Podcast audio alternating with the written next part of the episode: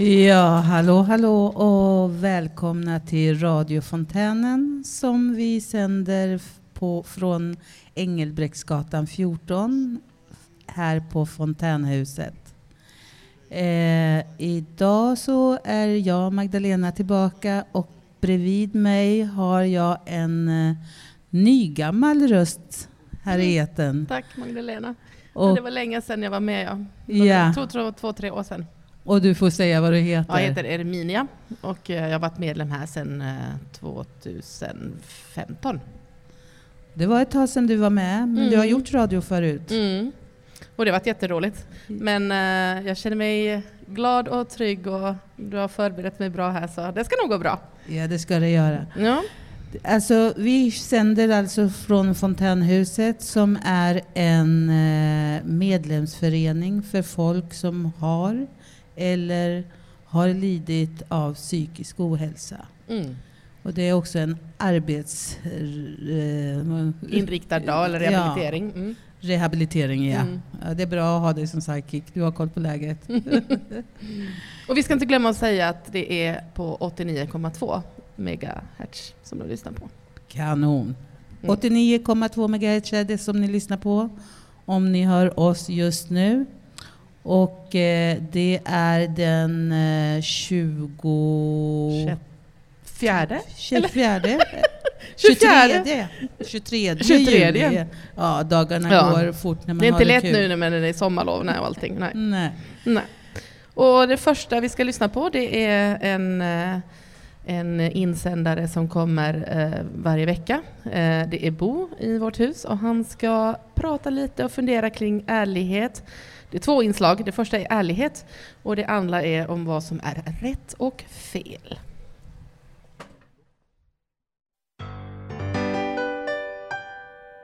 Fråga Bo. Ett program för dig som tänker mycket. Varar ärlighet längst, oavsett situation? Ja, jo, det brukar man ju säga. Hur sant det är vet jag inte säkert, men vi lär kanske se till slut. Det är ganska lätt att säga så, men varför vi ljuger så mycket då förstår jag inte om det inte är så att det kan vara bra med lite ljug också. Oavsett situation så kanske sanning och lögn formar någon balans. Jag tror ärlighet vara längst men kan inte förklara varför mer än att jag vill det.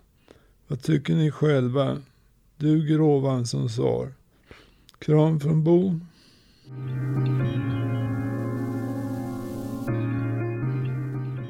Fråga Bo. Med tankar på alla samhällsdebatter om vad som är rätt och fel. Vad är rätt och vad är fel och vad styr vad jag väljer? Svar. Det finns inget som är bara rätt eller fel, vilket innebär att det finns anledning att debattera något ämne. Det finns så mycket olika åsikter som balanseras med varandra. Vad som styr våra val är svårt att veta. Det kan vara rationella eller irrationella orsaker till vad du tycker är rätt eller fel. Att utgå från fakta och objektivitet i tänkandet kan vara en bra start, men vad du ändå väljer subjektivt som styr viljan. Med detta, svar, med detta som svar önskar jag er lycka till i ert eget tänkande om vad som är rätt och fel och att det kanske handlar om någon slags balans. Med vänlig hälsning Bo med frågan från Jenny.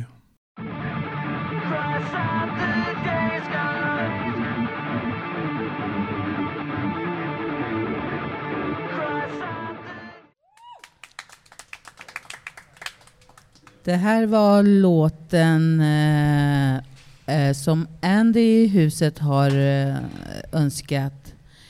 Eh, det, det, uh, ursäkta mig här, förlåt. det. Låten Cross Off med Mark Morton och Chester Bennington.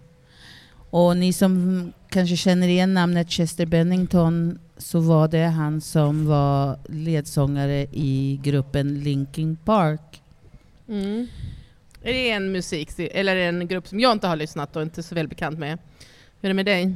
Ja, jo, jag hade många vänner som var jätteförtjusta i den gruppen. Men eh, den 20 juli för tre år sedan så gick ju Chester Bennington eh, ur tiden Mm. alldeles för tidigt. Och eh, Han hade tagit sitt liv. han tog sitt liv, ja. Eh, vi ska fortsätta här i programmet med en annan medlem här i huset som har lite funderingar om att man ska sluta trycka ner sig själv. Och det är Simon, varsågod. Sluta trycka ner dig själv. Bara för att du gjorde ett dumt val betyder det inte att du är en dum människa. Bara för att du gjorde ett stort misstag är du inte en hemsk person. Sluta trycka ner dig själv. Varje grej som händer lär oss någonting. Varje grej händer av en anledning. Det är meningen att du skulle lära dig det här. Det är meningen att du ska veta det här inför framtiden.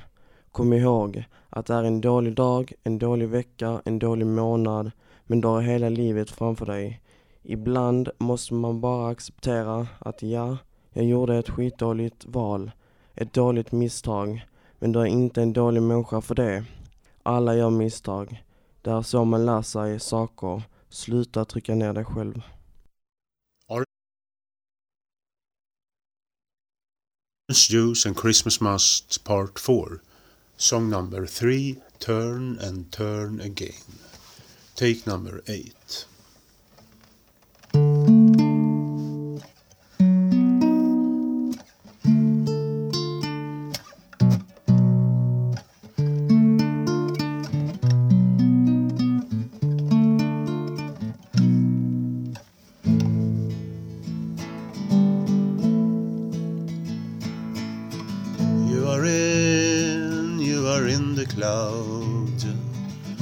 While I'm worrying, speak too loud. You go to school, very nice. At the age of nine, coming around. Teacher offering books of knowledge. Assume you're going for the rallies. Assume you're going for the rallies. Turn the card. Light.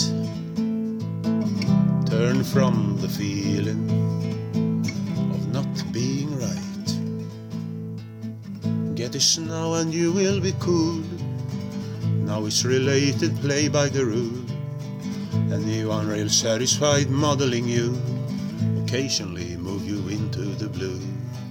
Another day, keep controlling you. I like the way of enlighten you. The way of enlightening. Turn the card. Turn the light. Turn from the feeling of not being right. Push you on the line, left and right. I like to share in the name of love. You get marching for intelligent fight. When you arrive, landing is on. But for now, please take care. Growing ups will both be there. Grown ups will both be there. Turn the card. Turn the light. Turn from the feeling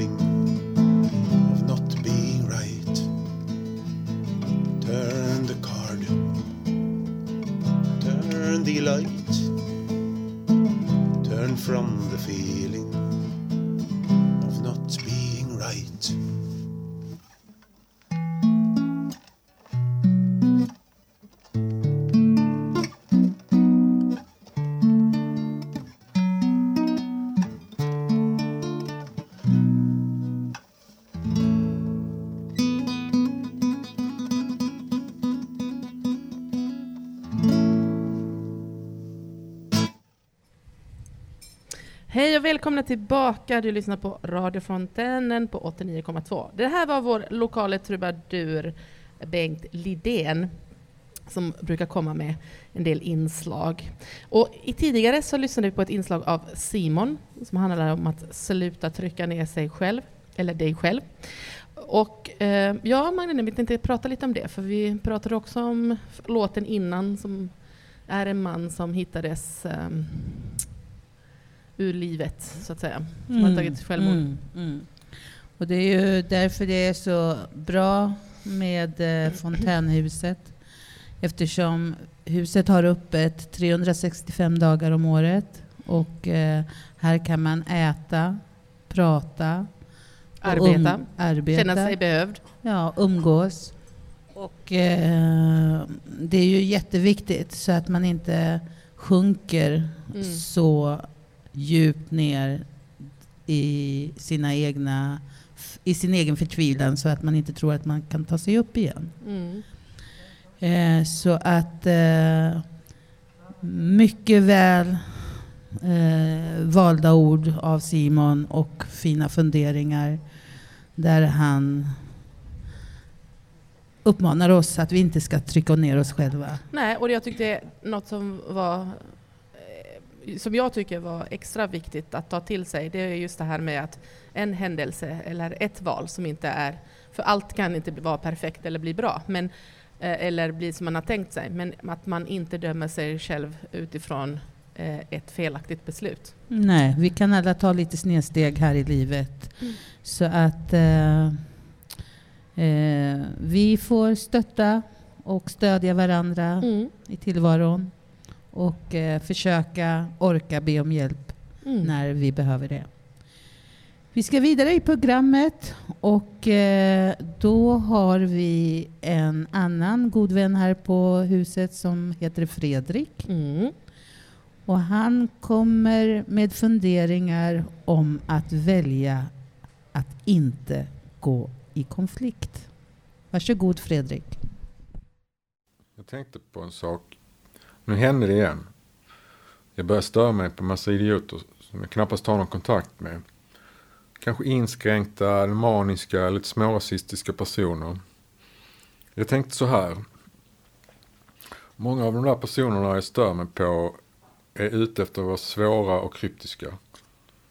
Just så att det är lätt att anklaga dem och missförstå dem. De är mer ute efter det än att vara tydliga med vad det faktiskt uttrycker. Det är inte kommunikation det handlar om. Det är en roll man vill ha gentemot andra. Här bör det nog bli lite mer omedvetet. De söker sig till konflikt. Jag har själv det beteendet men jag jobbar rätt hårt för att få bort det. De söker konflikt från folk som missförstår dem. Så att de kan ha just den rollen. Och titta på mig hur folk anklagar mig för saker som inte stämmer. Då kan de få bekräftelse på att den ilskan och misstänksamheten de känner inför andra, att den skulle vara berättigad. Som att den hade ett egenvärde. Att man är arg och nonchalant i sin natur och att det skulle vara okej. Okay. Det har ju så många andra fantastiska sidor så det väger väl upp allt det där andra. Att det till och med är nödvändigt. Men det är det inte. Det kan kännas så. Om man är väldigt inkörd i att försöka vända sin sociala oförmåga till att man skulle vara någon slags sanningsapostel eller ha speciella tuffa åsikter som utmanar folks trygghet och förlegade åsikter. Allt detta är självbedrägeri och egentligen bara till för att dölja en osäkerhet man har. Istället för att jobba med den själv attackerar man omgivningen om och om igen om man inte motsägelsefullt nog rättar sig över ens egen övertygelse. Att försöka forcera andra att passa in i en social struktur som man själv definierat. Där man själv ligger högt och det man inte gillar ska bestraffas på olika sätt. Genom översätteri, mobbing, nonchalans, aggressivitet. Detta är att vara en tyrann. Någon som utnyttjar andra för att känna sig trygg detta är ett självbedrägeri man håller på med för att man inte lägger ner den energi som krävs för att ha en bra relation med andra. För att man inte kan acceptera att andra är olika en själv. Håller man på sådär för mycket så utvecklas en dubbel personlighet hos en. Den ena sidan som står ut med förnekelsen får en att känna sig som en kung. Den andra, kanske mer realistiska sidan får en att må dåligt, för dåligt samvete och ångest. Men alla de där känslorna kan man ge andra skulden för. Då är man också fast i en destruktiv livsfilosofi. Eller så kan du försöka sätta ihop de här motsatta upplevelserna av dig själv och komma fram till att du kanske inte behöver attackera omgivningen för att de är omöjliga att förstå eller har en massa dåliga egenskaper. Jag ser det ju rätt själv tydligt nu när jag funderar på det. Jag behöver inte gå in i konflikter bara för att jag tycker någon uttrycker sig korkat, någon är inskränkt eller kanske lite smårasistisk. Jag kan ju snacka om det om de vill, men jag behöver inte bråka om det. Om man vill förstå varandra så finns det möjligheter. Jag ska inte motsätta mig det. Att folk blir sura för att de inte kan förklara varför du gör som du gör eller varför du tycker som du gör kan ju bara vara ett tecken på en oförmåga. Jag är inte själv nöjt mig med det, men jag behöver inte kräva att andra ska göra det. Den här konflikten är inte till för att lösa något. Det är något man gör för att man inte kan lösa det. Andras oförmåga är inte mitt problem. Andras aggression och nonchalans kan vara jobbigt och störande, men inget jag måste konfrontera. Jag kan tala för mig själv och det idéer jag har för att försöka göra saker på ett bra och riktigt sätt. Vi tackar Fredrik för de funderingarna. Um, ja, men rätt så konfliktfritt har det väl varit så länge under sändning? Ja, vi kommer ju bra överens du och jag. Mm. Och, än så eh, länge, vi är inte klara än. Nej. Men jag tycker att vi är närmare skratt än till gråt just mm. nu. Och eh, jag vill passa bara på att tacka. Vi har en fin publik mm. som alltid som sitter i, här i trädgården. En applåd till er skulle jag ge. Woho! Så en applåd till publiken, applådera er själva. Och vi har eh, Patricia som sitter och övervakar ljudet ute i sändning uppe på eh, medias eh, kontor. Det är fantastiskt. Eh, det här med konflikt. Ja, och, ja. och det är provokation. Ja. Man kan ju bli... Mm, man kan ju vara i så, konflikt, i så konflikt att man blir riktigt provocerad. Och vi ska över till ett inslag där en man blev så provocerad att han gick från ord till handling och eh, faktiskt sköt vår statsminister. Eh, det är Karl Johan som tar upp funderingar om Olof Palme-utredningen. Varsågoda. Lite summering av utredningen rörande mordet på Olof Palme.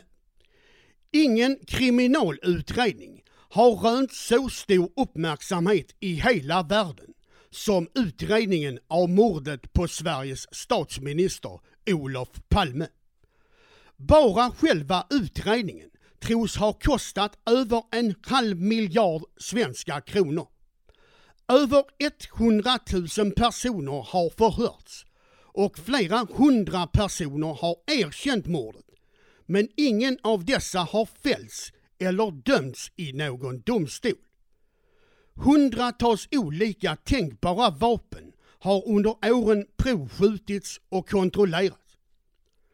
Man har under alla åren egentligen koncentrerat sig runt de fem så kallade huvudspåren, det vill säga den så kallade 33-åringen som figurerade under ett mycket tidigt stadium. Christer Pettersson som är det allra mest kända spåret.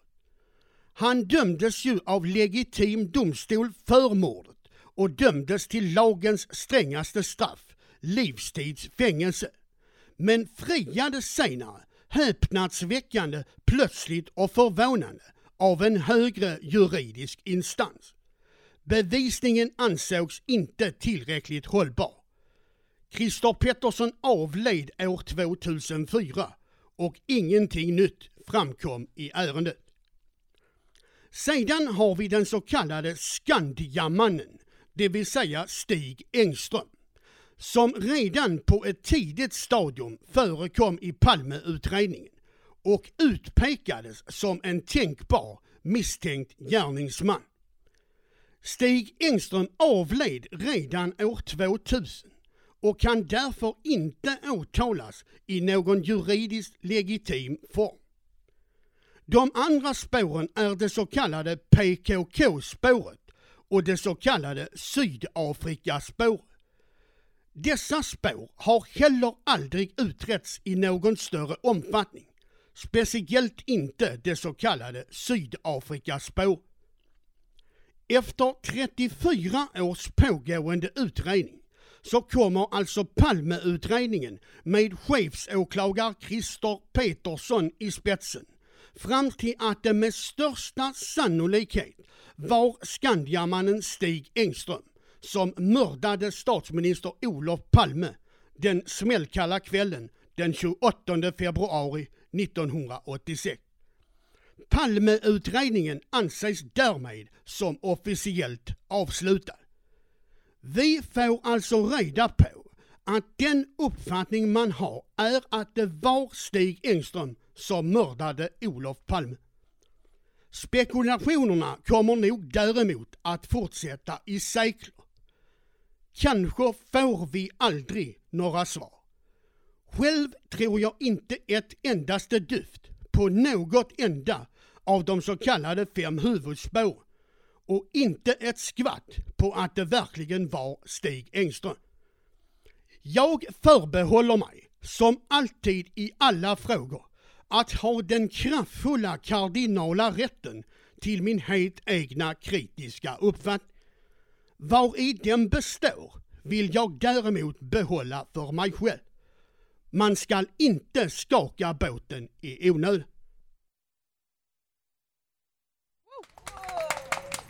Ja, tack Carl Johan för dina eminenta eh, utredning, tänkte jag säga, analys av utredningen om Olof Palme. Eh, det var 1980 86 februari. Då var jag tio år gammal Magdalena.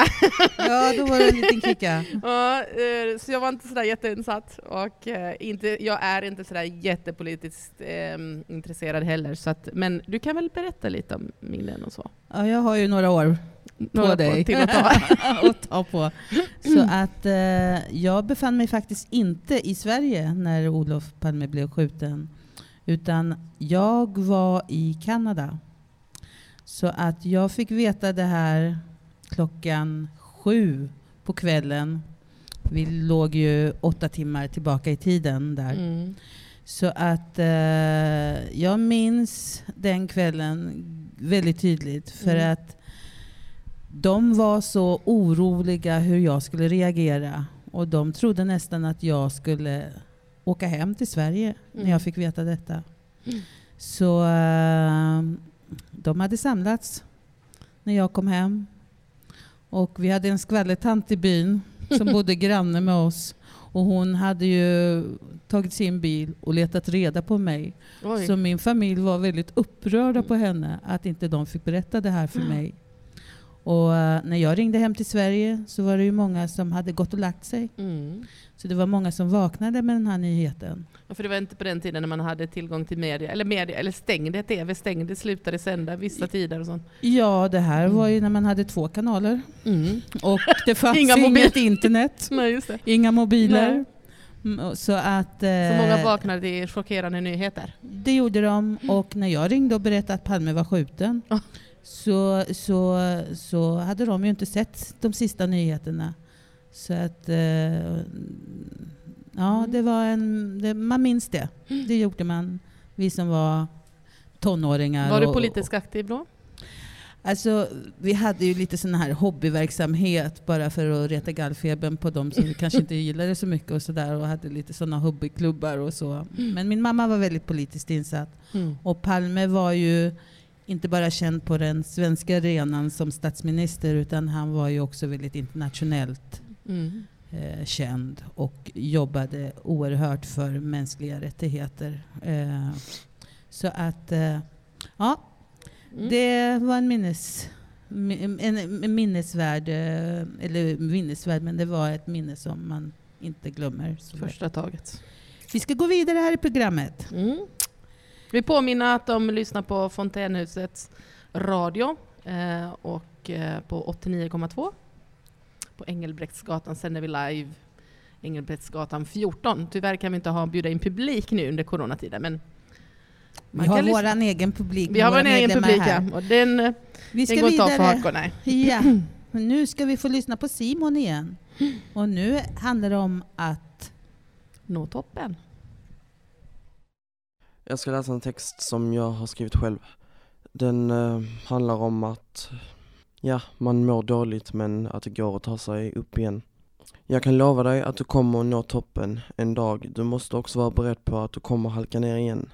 Men det betyder inte att du misslyckats, utan att du varit stark för länge. Alla har vi dåliga dagar, men det betyder inte att livet inte är värt att leva. Du ska se att en dag så kommer du vara så lycklig.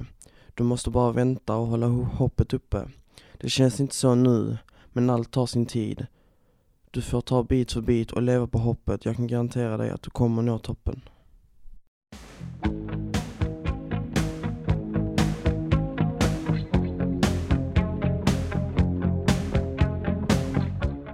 Ja, det där var låten Every Breath You Take med eh, gruppen Polis. Sting. Just det. Det var Också, också, en 80-tal, 80-talare, eller hur? Ja, det var också ett minne från 80-talet. Every breath you take, varje andetag du tar. Eh, vad som också hände på 80-talet Mm. och samtidigt som jag var i Kanada, det var ju att eh, Tjernobyl pajade Mm. i Ryssland. Och eh, Förlåt, Du- förlåt. Eh, eh, eh, måste påpeka att det är faktiskt en liten by i Ukraina. För alla som kommer därifrån, så vi inte får en massa... ja, Mail. bra, bra. För mig var det var Sovjetunionen ja, då, men visst, men idag eh, är det gränsen till Ukraina. Vitryssland Ja. och Ryssland. Ja. Precis. Mm. Det hette Sovjetunionen då, det är Ukraina, det har du rätt Och det i. visste jag inte förrän jag slog upp det i- morse. Nej, man Så får det- ta fram gamla kartor om man ska se hur 80-talet såg ut i världen. Mm, Ja. Men du, du minns inte Palme, men du minns Lite grann. För jag, Tjernobyl. jag var ju inte speciellt mycket äldre, men, men ehm, jag kommer från Österbotten, en, ehm, en, ett område mitt emot Sveriges Västerbotten, en liten stad. Och eh, där var det ju, jag pratade också med min mamma i veckan och då stängde man ju fönstrar och dörrar. Men hon berättade för mig, för jag har inte det så starkt minne, att vi gick till skolan som vanligt. Mm. Um, men att man under en viss tid så hörde de på radion och TVn att man skulle för säkerhets skull stänga um, fönster och dörrar. Och um, ja, jag minns väl nog som att det var lite mer som spännande på något sätt. Man förstod nog inte riktigt vad det innebar. Däremot, decennier efteråt, så har man kunnat se att eh, i vissa områden i Finland ehm, och säkert många andra ställen runt om i Europa också, eh, eh, många människor som har fått eh, cancer. Ja. Och att det förmodligen kan delvis bero på... ja, det är ju uteslutet. Det behöver man inte fundera på så mycket på. Nej. Alltså, radioaktivitet är ju ingenting som man ska utsätta sig för. Och eh, det var faktiskt så att eh, de utbytesstudenterna som kom från USA och var här i Sverige, många utav dem blev hemskickade Mm. tillbaka och fick avsluta sin eh, st- studentperiod för att eh, i USA så tog man väldigt hårt på det här Mm. i, eh, direkt. Så att, eh, ja. Ja, det blev mycket Det var 80-tal min- här. det är mycket 80-tal. Det var något Ja. annat du nämnde häromdagen, någon som också hände. Någon som hade gått, någon stor poet som hade gått, eller var det ja det författare? var ju våran Tage Danielsson. jag, ja. Eh, radarparet med, eh, oh, vad heter han? Mm, Hasse Alfredsson. Tack, det är tack tur att vi har en, en upplyst publik här bland oss. Tack Mm. Eva. Eh, vi ska vidare. Mm. Vad kommer nu? Ja, nu kommer det eh, min, ett annat minne eh, från våran Jonny om en eh, resa till Fjällbacka. Men jag, du, var ligger Fjällbacka? Det tar vi efteråt. Vi tar Varsågod efteråt. Johnny. Varsågod Jonny. Fjällbacka år 2010. Min familj, mamma och min syster, hennes man och barnen hade hyrt en stuga i Fjällbacka år 2010. Vi kom dit med bil. En dag åkte vi till Liseberg i Göteborg. Där såg vi Lotta Engberg repade inför Allsång på Liseberg. Vi köpte åkband för att kunna åka karusell. Min systers barn blev sugna på hamburgare så vi åt på Burger King inne på Liseberg. Efter det åkte vi karusell och sedan åkte vi tillbaka på Fjällbacka.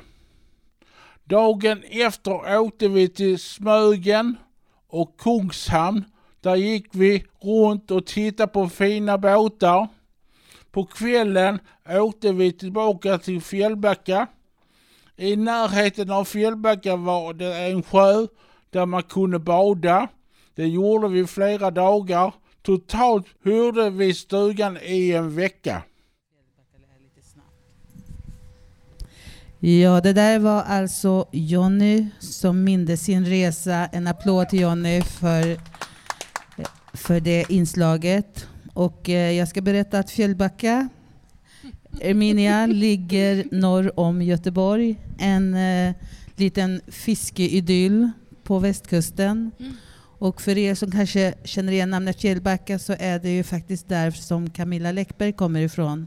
En av våra deckardrottningar här i Sverige. Mm. Vi går vidare. Ja. Vi har en annan flicka här Nu- som ska Nu komma drar- med något. Ja, precis. Nu drar vi från Fjällbacka till ett eh, kanske lite mer otäckare tema. Eh, Sissi ska berätta. Jag låter det prata för sig själv, så får ni höra. Det gör vi. Varsågod. Jag funderar lite på det här med att bli kallad för hora. När brukar detta hända? Jo, oftast när man avvisat en kille. Helt otroligt egentligen. Att killar tror att vi tjejer är någon slags ägodelar som är så gott som deras. Och när vi inte går med på detta så är vi horor rätt som det är. Tyvärr hör man detta av andra tjejer ibland också. I synnerhet om man väljer att klä sig efter eget smak och tycke vad jag har märkt. För ja, jag och säkert en del andra tjejer också tycker om att ha kort kjol eller en urringad överdel ibland och trivs ibland i smink som syns lite extra också. Vad av allt detta är det som gör någon till en hora? I sådana fall, ni tjejer som trivs med att kalla andra tjejer för horor, borde ni med detta tankesätt vara det ni med när ni går till en klubb eller en fest och är uppklädda. Tyvärr, för ingen vinner på ett resonemang som går ut på att trycka ner andra. Vill vi ha ett jämställt samhälle, så lyft andra tjejer på olika vis istället. Och ja, detta gäller er killar med. Over and out, Cici. Tack Cissi. Tack för den viktiga påminnelsen om ords betydelse. Um, ja, vi pratade lite innan i veckan också om, om, om hur vi tänker omkring detta.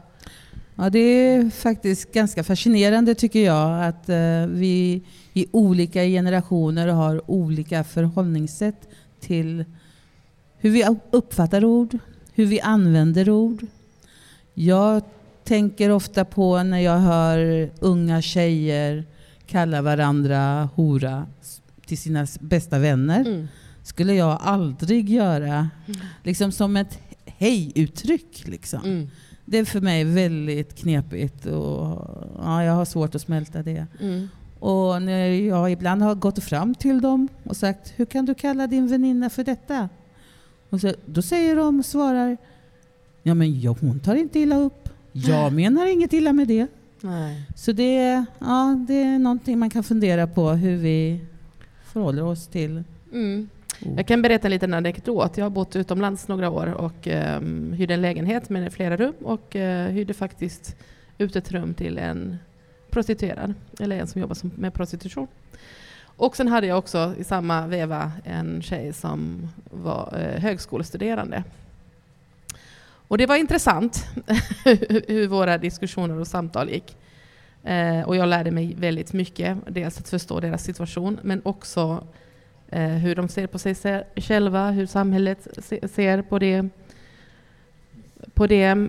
Och, ehm, ja, men det var en fantastisk tid och hon var otroligt ödmjuk och givmild. Det är kanske något inslag Tackar. som du kan utveckla i ett annat program. Kanske vi kan göra. Eh, Erminia möter, kan vi kalla det. Ja, det hade varit något. Eh, Magdalena, nu ska vi få lyssna på ett inslag som du har gjort. Ja, här kommer ett litet minne från 80-talet igen. Varsågoda. Eh, När demokratin får ge vika åt obeslutsamheten. Denna lilla story, eller historia som det ju heter på svenska, utspelade sig vid vårt köksbord nästan var gång det skulle röstas. Och det spelade ingen roll vad vi egentligen tvistades om.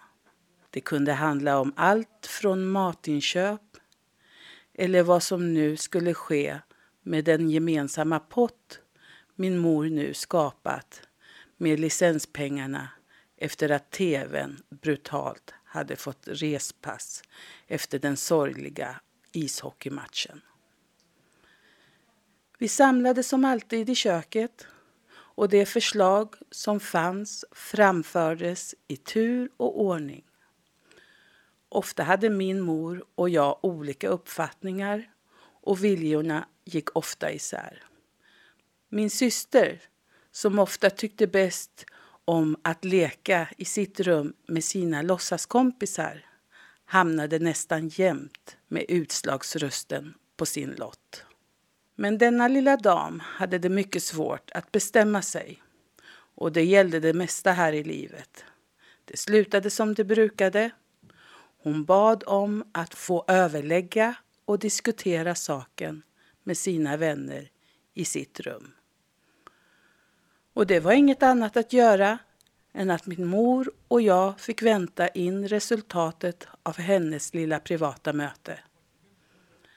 Där brukade hon då rada upp sina dockor, nallar och de olika figurer hon hade att tillgå. Och sist i raden så satt det alltid en stackars gris. Där stod hon nu framför raden och pekade på var och en. Ja, nej, ja, nej, ja, nej, ja, nej. Sen kom hon ut tillbaka in i köket med ett förtvivlat uttryck i ansiktet. Den jävla grisen är så jävla dum att han inte kan bestämma sig. Ja, ibland får demokratin ge vika åt obeslutsamheten. Mm, tack så mycket Margareta, eh, Magdalena. Förlåt. Magdalena, eh, jag måste bara ställa frågan här nu när jag kan prata direkt med Hur känns det att köra radioprogrammet och samtidigt höra ett inslag sin egen röst och sin egen text? Ja, det är lite märkligt. Alltså, det, det ljudet som man tror kommer ut ur ens mun är ju inte det ljudet som man uppfattar ur en högtalare. Så att, eh, men eh, jag känner mig jättehedrad. Mm. Eh, jag tycker det är jättekul. Vi får enormt stöd utav produktionsteamet och man har backup utav publiken som är jättefin. Och när jag upptäcker ansikten som har droppat in och suttit här men jag har varit så koncentrerad på att köra med dig. Och det är jättekul att, mm. att, köra radio med dig. Hur mm. känns det? Ja men det, det är så skönt och fint och tryggt framför allt. Lite pirrigt är det ju, det ska det ju vara. Det var ju mm. ett tag sedan.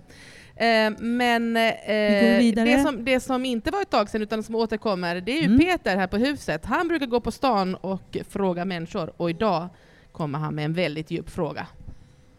Det bästa vad är det bästa med att vara människa? Ja, Varsågod Peter.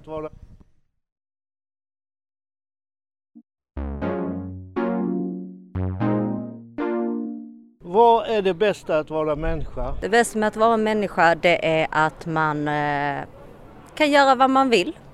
Man ägs inte av någon. Jag vet faktiskt inte. Svårt att säga. Um, vänner och familj och mycket att uppleva. Det bästa med att vara människa just nu det är att ha barn och barnbarn. Oh, Samma här. Uh, det är att vara frisk. Är man det hela livet? Förhoppningsvis. Det är det som är skönt att vara människa, det är att vara frisk. Att leva, ja. Fullt ut eller? Ni det? Ja, absolut. Ja, vad härligt, ja. underbart. Uppleva världen. Från Danmark? Nej, från Norge.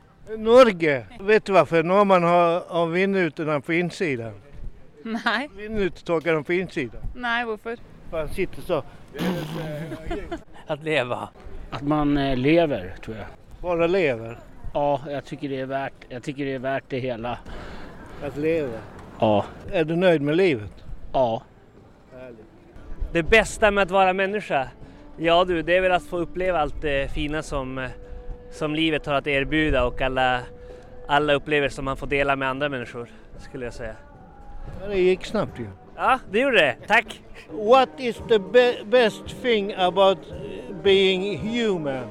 Feeling um, solidarity with people and um, empathy for people, I think, for other people. Where you come from? Uh, I come from Serbia, but I live in Denmark. Welcome to Sweden. uh, my husband is from here, so Vad är det bästa med att vara människa? Livet.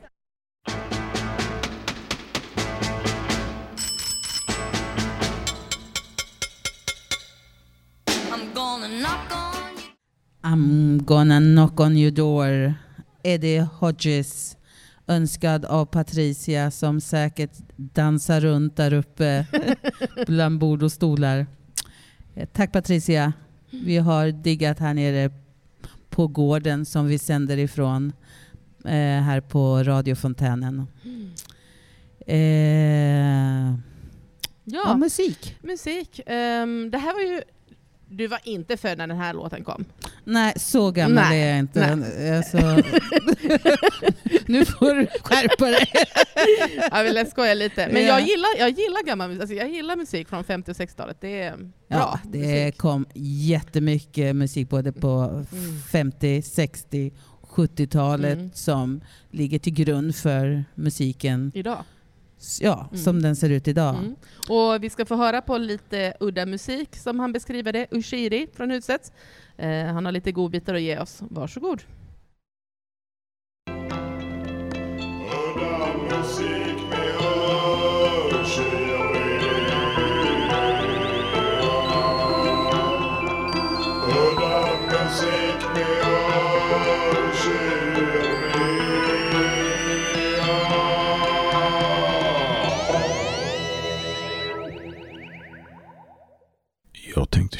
En låt eh, som jag vill tacka Inhuman Jonathan för.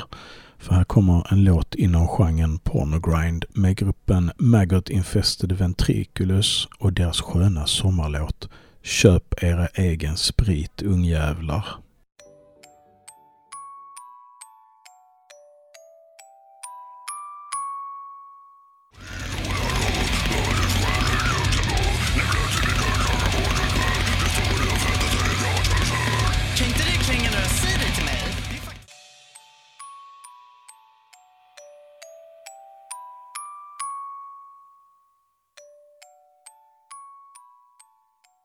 Och sen tänkte jag avsluta med Shanty People och deras låt Tandava. Och som vanligt hittar ni udda musik på ushiri.com under social eller på Spotify och Youtube. Hej!